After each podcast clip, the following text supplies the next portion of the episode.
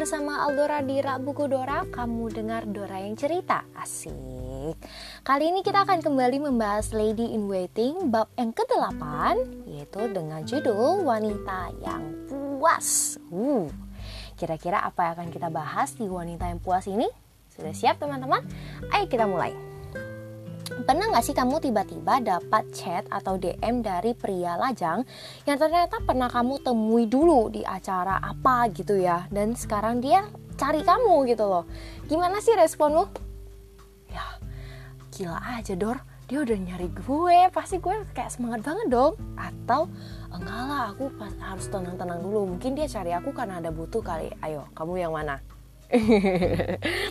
Apakah prospek kencan dengan seorang pria yang paling memenuhi syarat di kotamu menyebabkan kamu kena kelainan stres pracinta romantis?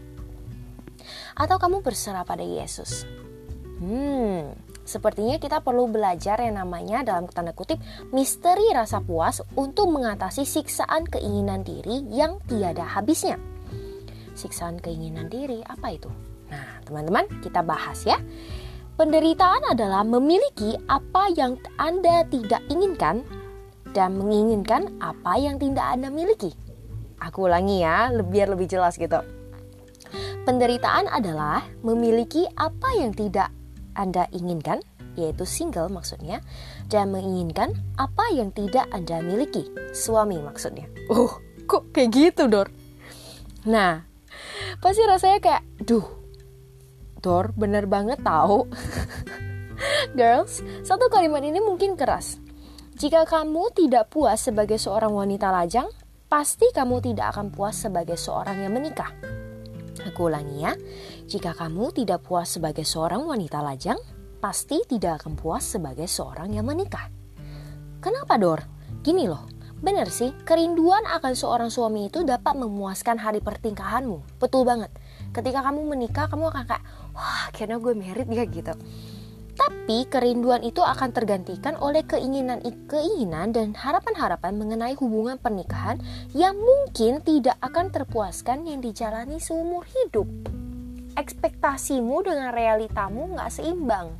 Akhirnya kamu nggak nggak mengalami yang namanya terpuaskan dan itu kamu harus jalani seumur hidupmu loh. Wow. Wanita yang tidak puas sering kali bereaksi gini dengan kata tunggu. Kata tunggu ya. No, no way, no, no, no, itu kutuk. Oh my god, itu kutuk. Tidak. Wah. Seorang wanita dalam penantian mendapati kapasitasnya untuk menantikan yang terbaik dari Allah dan berakar pada rasa puas. Jadi kata tunggu itu nggak serta merta kutuk teman-teman. Bisa saja tunggu itu justru satu proses di mana e, membentuk dirimu menjadi seorang pribadi yang jauh lebih baik. Ayo dong, kutuk bukan tunggu, tunggu bukan kutuk. Sekarang kita masuk ke poin yang kedua, kapasitas untuk menanti. Jikalau melihat kondisi lingkungannya, Ruth, yang topik yang sama ini kita bahas adalah Ruth ya, punya alasan yang sempurna untuk nggak puas. Kurang apa coba sekarang kita bayangin ya? Janda, usianya masih muda banget teman-teman mesti kerja keras untuk menghidupi diri dan mertua. Sih. Tapi Ruth memilih untuk melekat pada Allah Israel yang bisa dipercaya meski dalam keadaan sulit. Wow, luar biasa loh pilihannya Ruth. Tapi apa yang didapatnya dari keadaan puas dan mau bekerja kerasnya? Hukum Musa mengizinkan Boas untuk menebus Ruth. Gila gak sih? Coba ya, coba ya kamu bayangin, kamu one day ketemu pria yang paling memenuhi syarat, lalu dia datang dan bilang ke kamu nih, gitu. Uh, hello, uh, Dora, hukum menuntutku untuk menikahimu sebelum ulang tahunmu yang kesekian. Hah? Kayak, hah? kayak pasti kayak kagetan gitu ya. Jadi aku ceritain hukum Musa itu seperti apa. Jadi ketika kamu punya keluarga yang menjanda ya istilahnya kayak Naomi ini kan orang uh, Yahudi jadi mereka terikat dengan yang namanya juga hukum Musa jadi ketika uh, Naomi sekeluarga ah, Naomi dan Ruth ini kan menjanda ya jadi mereka itu punya yang namanya ada keluarga yang uh, menebus mereka dengan strata yang lebih tinggi. Jadi istilahnya nggak punah lah gitu. Nggak punah dia punya keluarga. Keturunan ini tuh nggak hilang. Keturunan Naomi Ruth itu nggak hilang.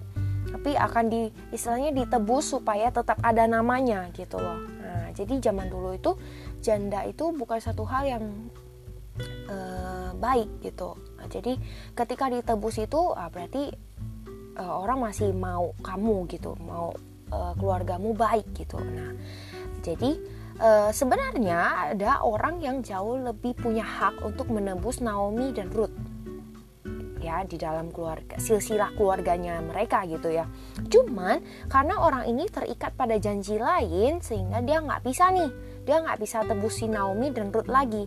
Jadi dia tawarkan kepada Boas Boas gue nggak bisa lagi nih kalau bahasa sekarangnya ya gue nggak bisa lagi nebus si Naomi sama Ruth karena gue udah dibawa uh, janji yang lain gitu. Lu mau nggak nebus mereka berdua? Kalau nggak gue lemparin ke yang lain lagi gitu. Nah ternyata si Boas ini ya gayung bersambut. Dia memang mau nebus si uh, Naomi dan juga Ruth gitu ya. Wow suatu hal yang luar biasa nggak sih? Oke kita lanjut ya Naomi sebagai mertua pun gak gegabah saat tahu Ruth akan ditebus oleh Boaz. Jadi ketika uh, si Ruth datang kepada Naomi bilang ke Naomi kalau kita akan ditebus sama Boaz nih.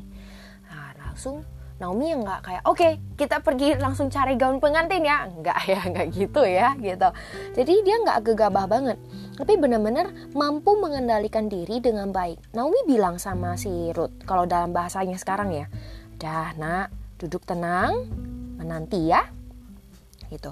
Seorang wanita yang gelisah dan tidak puas akan berpikir bahwa seorang pria yang tertarik dan bersedia itu udah lebih dari cukup untuk memotivasi si wanita itu untuk langsung pesan undangan pernikahan. Tapi wanita yang puas ini nggak nggak baik. Nah, gitu. Bagi wanita yang puas itu bukan satu hal yang baik. Jadi kita harus kayak duduk, tenang, menanti. Nah, tunggu. Gila aja dor. Mau tunggu sampai kapan gitu loh. Ya nggak nggak. Kan tadi udah kita bahas ya tunggu bukan kutuk kutuk bukan tunggu ya. Girls para wanita mengalami kesakitan yang tidak perlu waktu mereka berlari cepat dari format Allah. Mereka uh, berlari cepat dari format Allah akhirnya ya hidup seperti apa maunya mereka ya sebenarnya kita kan nggak bisa ya hidup seperti apa maunya kita terus. Kita harus tahu apa maunya Tuhan apa rencana Tuhan dalam hidup kita baru kita bisa melangkah. Kalau kita melangkah sesuai dengan apa yang kita inginkan you tahu lah at the endnya apa. Ya kan? Oke Naomi tahu bahwa mungkin ada kerabat yang lebih dekat dan lebih memenuhi syarat untuk menembus Naomi dan Ruth seperti aku ceritain tadi ya. Cuman kerabat itu sudah di bawah sumpah lain, maka dia menawarkan Boas untuk menebus Ruth dan Naomi. Hmm. Tadi aku udah ceritain kan, sungguh sebuah skenario. Naomi bijak, sebagai seorang ibu dan wanita, Naomi tidak mau hati Ruth berlari mendahului pada kekecewaan kalau keadaan tak berjalan sebagaimana mestinya. Gitu. Jadi Naomi sebagai mama juga sebagai wanita dia nggak mau yang kayak eh yo yo ayolah ayolah. Udah udah udah lampu hijau nih apa tunggu apa lagi? Nggak dia kayak oke okay, nggak apa-apa. Uh, kita lihat dulu bagaimana perkembangannya. Kita sambil pantau nah, sambil tenang tenangkan diri. Kita lihat kondisinya seperti apa. Nah ini bedanya wanita yang bijak mengikuti rencana Allah dengan wanita yang tidak puas yang mengikuti rencananya sendiri kita masuk ke poin yang ketiga, kubangan-kubangan ketidakpuasan. Menjadi lajang bisa saja sulit bagi seorang wanita. Tapi patah hati karena dikontrol oleh seorang pria itu berbahaya.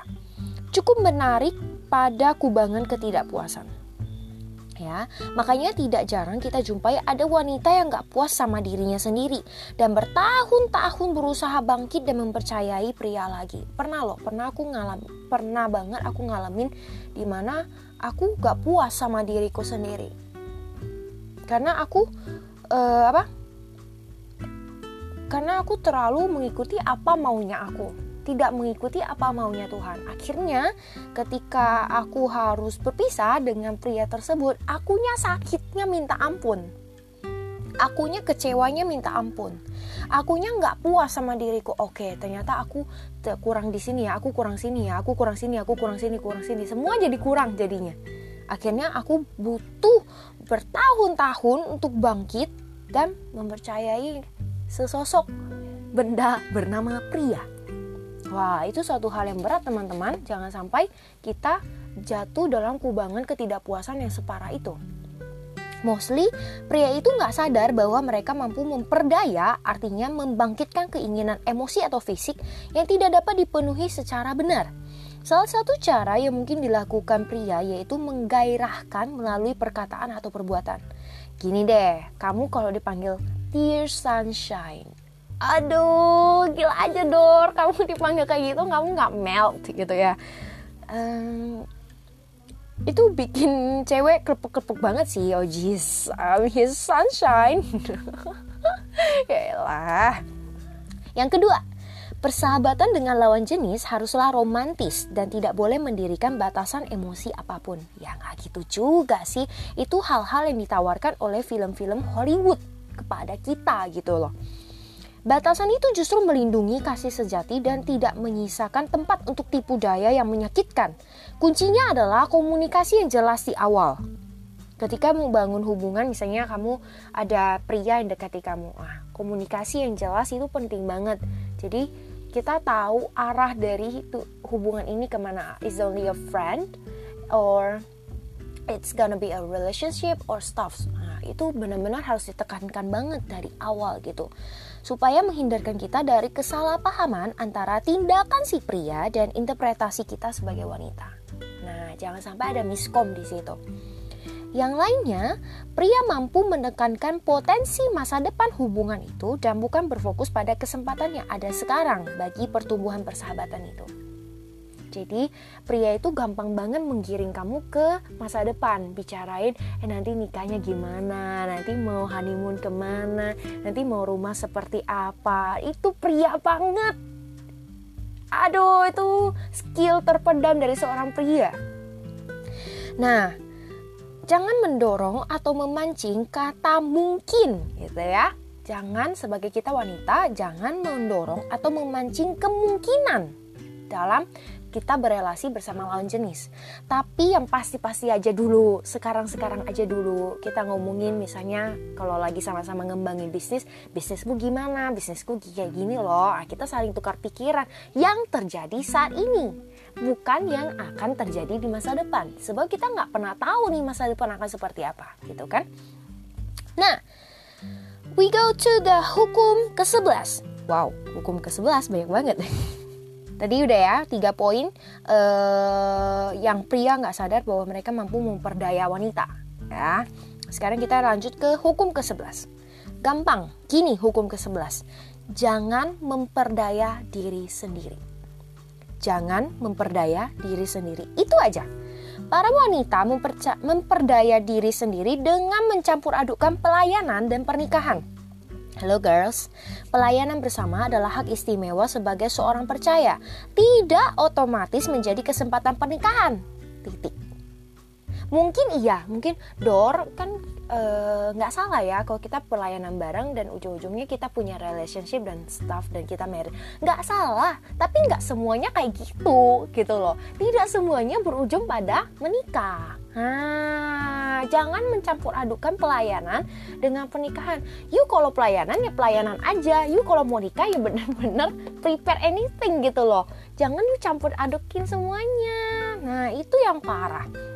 Wanita, tua dan muda kelihatannya menolak mengendalikan emosi mereka. Akibatnya berakhir lumpuh secara emosi karena sang pria nggak bisa sesuai dengan fantasi emosi mereka. Gerak-gerik yang paling lugu dapat menghasilkan fantasi yang paling terperinci.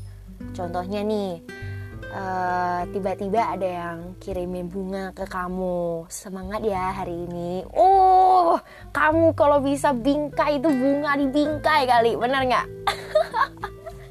gak apa-apa kamu gak sendiri kok So, hati-hati girls. Kita harus sadar, secara sadar menolak melakukan lagi perbuatan baik bagi seorang pria. Sebenarnya baik di sini baik yang gimana gitu loh. apakah kita men, harus jahat harus kejam? Enggak enggak gitu juga gitu. Tapi sewajarnya aja gitu. Sewajarnya kita memperlakukan sesama kita wanita juga memperlakukan kepada pria gitu loh. Jangan lu kayak karena dia pria gue pengen ceng-cengin dia gitu loh. Jadi baikmu itu levelnya di atas baik kepada teman wanitamu gitu. Jangan. Karena apa karena ya Pria itu sudah biasa dapat perlakuan baik dari mamanya. Sudah sudah dari kecil dia dapat perlakuan baik.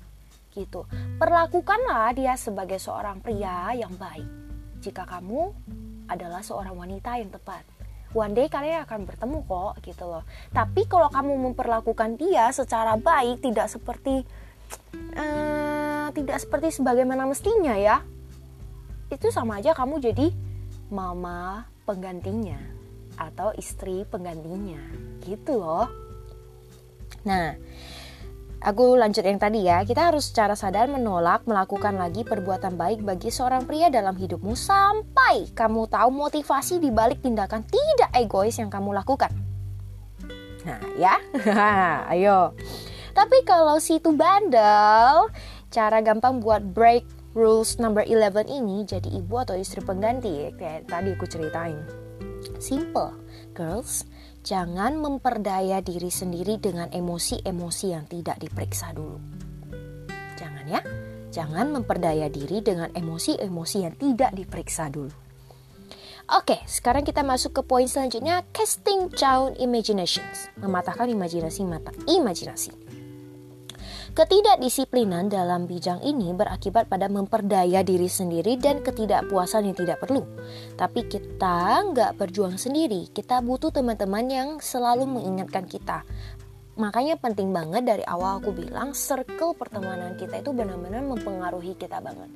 Kita menjadi orang yang gampang baperan, circle pertemanan kita itulah harus kita cek.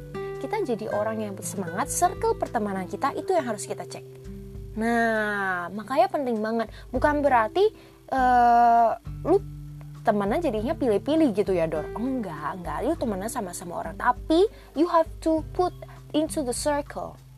Which one is suitable for you, which one is not. Nah, kamu harus masukin ke circle. Mana circle satu yang deket banget sama kamu, yang benar-benar bisa kamu andalkan mana yang circle kesekian sekian sekian gitu. Nah, itu penting banget teman-teman. Nah, agar apa? Agar kita tidak lari mendahului waktunya Allah. Nah, jadi teman-teman itu benar-benar bisa membantu kita banget. Setiap kita butuh yang namanya pemantau rohani. Kita dapat dengan mudah memperdaya teman kita jika kita dengan antusias membangun harapan palsu atau suatu situasi yang mungkin sekarang ada dan akan lenyap sebelum gajian berikutnya. Nah, itu pentingnya pemantau rohani. Butuh tem bantu temanmu untuk memantau reaksi-reaksinya meski awalnya mungkin tidak dihargai, nggak apa-apa. Nggak apa-apa, maksudnya tetap bantu dia pantau, oke? Okay? Kamu mau cerita apa? Nggak apa-apa, yuk, dengar, aku dengerin kok. Tetap kerjakan. Walaupun dia nggak anggap tetap kerjakan. Jadilah sahabat saat ditolak maupun saat traktiran. Jadi jangan jadi sahabat hanya saat traktiran aja ya. Tapi jadilah sahabat saat ditolak maupun saat traktiran. Sebab apa? Banyak air mata yang telah tumpah karena suatu hubungan yang tidak pernah menjadi kenyataan kecuali di mimpi kita tugasnya adalah membantu teman-teman kita untuk bangun dari mimpi itu dan bekerja. Bekerja sesuai dengan kapabilitas yang kita miliki ya untuk berkreasi untuk uh, berinovasi pokoknya untuk mengembangkan diri deh. Nah ini juga pesan untuk mama-mama. Nah untuk mama-mama nih ya terlalu sering para mama itu dengan polos berfokus pada kelaparan yang tampak di wajah anaknya tapi kelaparan ini bukan kelaparan karena butuh makan ya, bukan ya. Tapi kelaparan kencan maksudnya. Ah, ini yang parah nih. Kelaparan kencan. Jadi kayak, aduh ini anak gue kok kagak ada yang ngajak kencan ya, kagak ada yang ngajak malam mingguan gitu ya. Kagak ada yang nyamperin dia, kayak jemput dia, kayak itu kok gak ada ya gitu. Nah, ini pesan nih buat mama-mama yang sering berpikir seperti itu kita itu bukannya mendorong anak untuk memakai waktu luang bagi Yesus malah sibuk menganalisa keadaan yang tak kunjung punya teman kencan. Hei, Mazmur nomor 62 ayat 6 sudah jelas berkata nih. Hanya pada Allah saja kiranya aku tenang, sebab daripadanya lah harapanku. mama-mama, ingat ya, dorong anak-anak uh, anak-anak perempuanmu untuk dekat pada Yesus dulu. Cari Yesus dulu sebelum dicari oleh pasangannya. Nice. Tapi gini, nggak berarti saat ada teman yang cerita ke kamu soal prianya, lalu kamu kayak bungkam dia langsung, eh udah, udah, udah, lu jangan cerita apa-apa sama gue soal pria yang lu deketin. Jangan kayak gitu juga. Lu jadi temen yang ya oh, masuk akal dikit dong ya. Bilang aja gini, aku senang kamu bahagia dan aku senang kamu ceritain itu ke aku. Coba sekarang sebelum kamu tidur ntar malam kamu doain doi ke Yesus tiap malam ya lakuin. Kita lihat apa Yesus berkenan atau tidak. Oke? Nah, lebih enak toh. Jangan dia baru cerita, eh kemarin gue, eh jangan ceritain pria itu, gue gak suka sih. Aduh, gimana sih kamu? nah, tapi uh, gak apa-apa dengerin ceritanya tapi kasih dia solusi.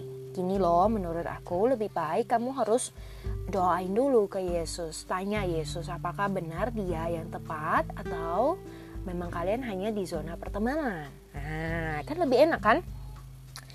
Sambil kamu ceritain ke aku lagi perkembangannya. Hah, jauh lebih enak Girls, status lajang tidak menghasilkan ketiadaan rasa puas sama seperti pernikahan tidak menghasilkan rasa puas. Aku ulangi ya. Status lajang tidak menghasilkan ketiadaan rasa puas sama seperti pernikahan tidak menghasilkan rasa puas. Ketiadaan rasa puas adalah akibat dari beban mengerikan yang terjadi karena menginginkan hidupmu seperti definisimu sendiri menginginkan hidupmu seperti definisimu sendiri. Siapa kamu? Tahu Paulus ya, saat dia di penjara dia menuliskan kunci dari kepuasan itu sebagai proses belajar. Dalam tanda kutip, proses belajar untuk menyerahkan keadaan pada Tuhan dan bukan menentang keadaan itu. Girls, menikah atau lajangnya kamu, tanamkan ini dalam diri kamu. Yesuslah yang menguatkan Anda untuk berjalan dalam keadaan yang paling menyenangkan atau yang paling suram? Ya, aku ulangi ya. Yesuslah yang menguatkan kamu untuk berjalan dalam keadaan yang paling menyenangkan atau yang paling suram. Rasa puas itu butuh proses panjang untuk mempelajarinya. Ketidakpuasan lahir bukan karena orang lain di sekitarmu, itu sumbernya adalah keangkuhan dirimu sendiri untuk berjalan dalam definisimu sendiri. Stop berdebat dengan Yesus tentang ekspektasi hidupmu. Stop. Stop. Tapi duduk, tenang, dengar, dan nantikan. Amsal pasal 13 ayat 10a sudah begitu jelas e, berkata seperti ini. Keangkuhan hanya menimbulkan pertengkaran Teman-teman, tukarlah keangkuhanmu dengan kekuatan Yesus sehingga kamu dapat menerima tugas apa pun yang diberikan oleh Sang Wasit kehidupan yaitu Yesus kepadamu mulai saat ini sampai selama-lamanya. Teman-teman, penutupnya nih. Kencan itu bukan upah atau hadiah karena hidup bagi Yesus. Camkan baik-baik. Kencan itu bukan upah atau hadiah karena hidup bagi Yesus. Asik. Wow, topik bab 8 ini panjang juga ya. Thank you teman-teman yang sudah begitu setia mendengarkan podcast Buku Dora. Dan kita sudah sampai di bab 8 dan selanjutnya kita akan masuk ke bab 9 yaitu wanita yang penuh keyakinan. Hmm, kira-kira apa yang akan kita bahas? Nantikan dulu dong. Oke, okay? thank you banget yang sudah begitu setia mendengarkan podcast ini. Biarlah podcast ini boleh selalu menjadi berkat bagi teman-teman untuk selalu bertumbuh dan berbuah semakin hari semakin serupa dengan Sang Pencipta kita yaitu Tuhan Yesus Kristus. Dan jikalau ada kata-kata yang menyakiti hati teman-teman, dari Dora. Uh, aku minta maaf, kamu belajar, aku pun belajar. Kita sama-sama belajar ya. Oke, thank you banget semuanya. Sampai jumpa di Rabuku Dora selanjutnya. Bye bye. God bless you.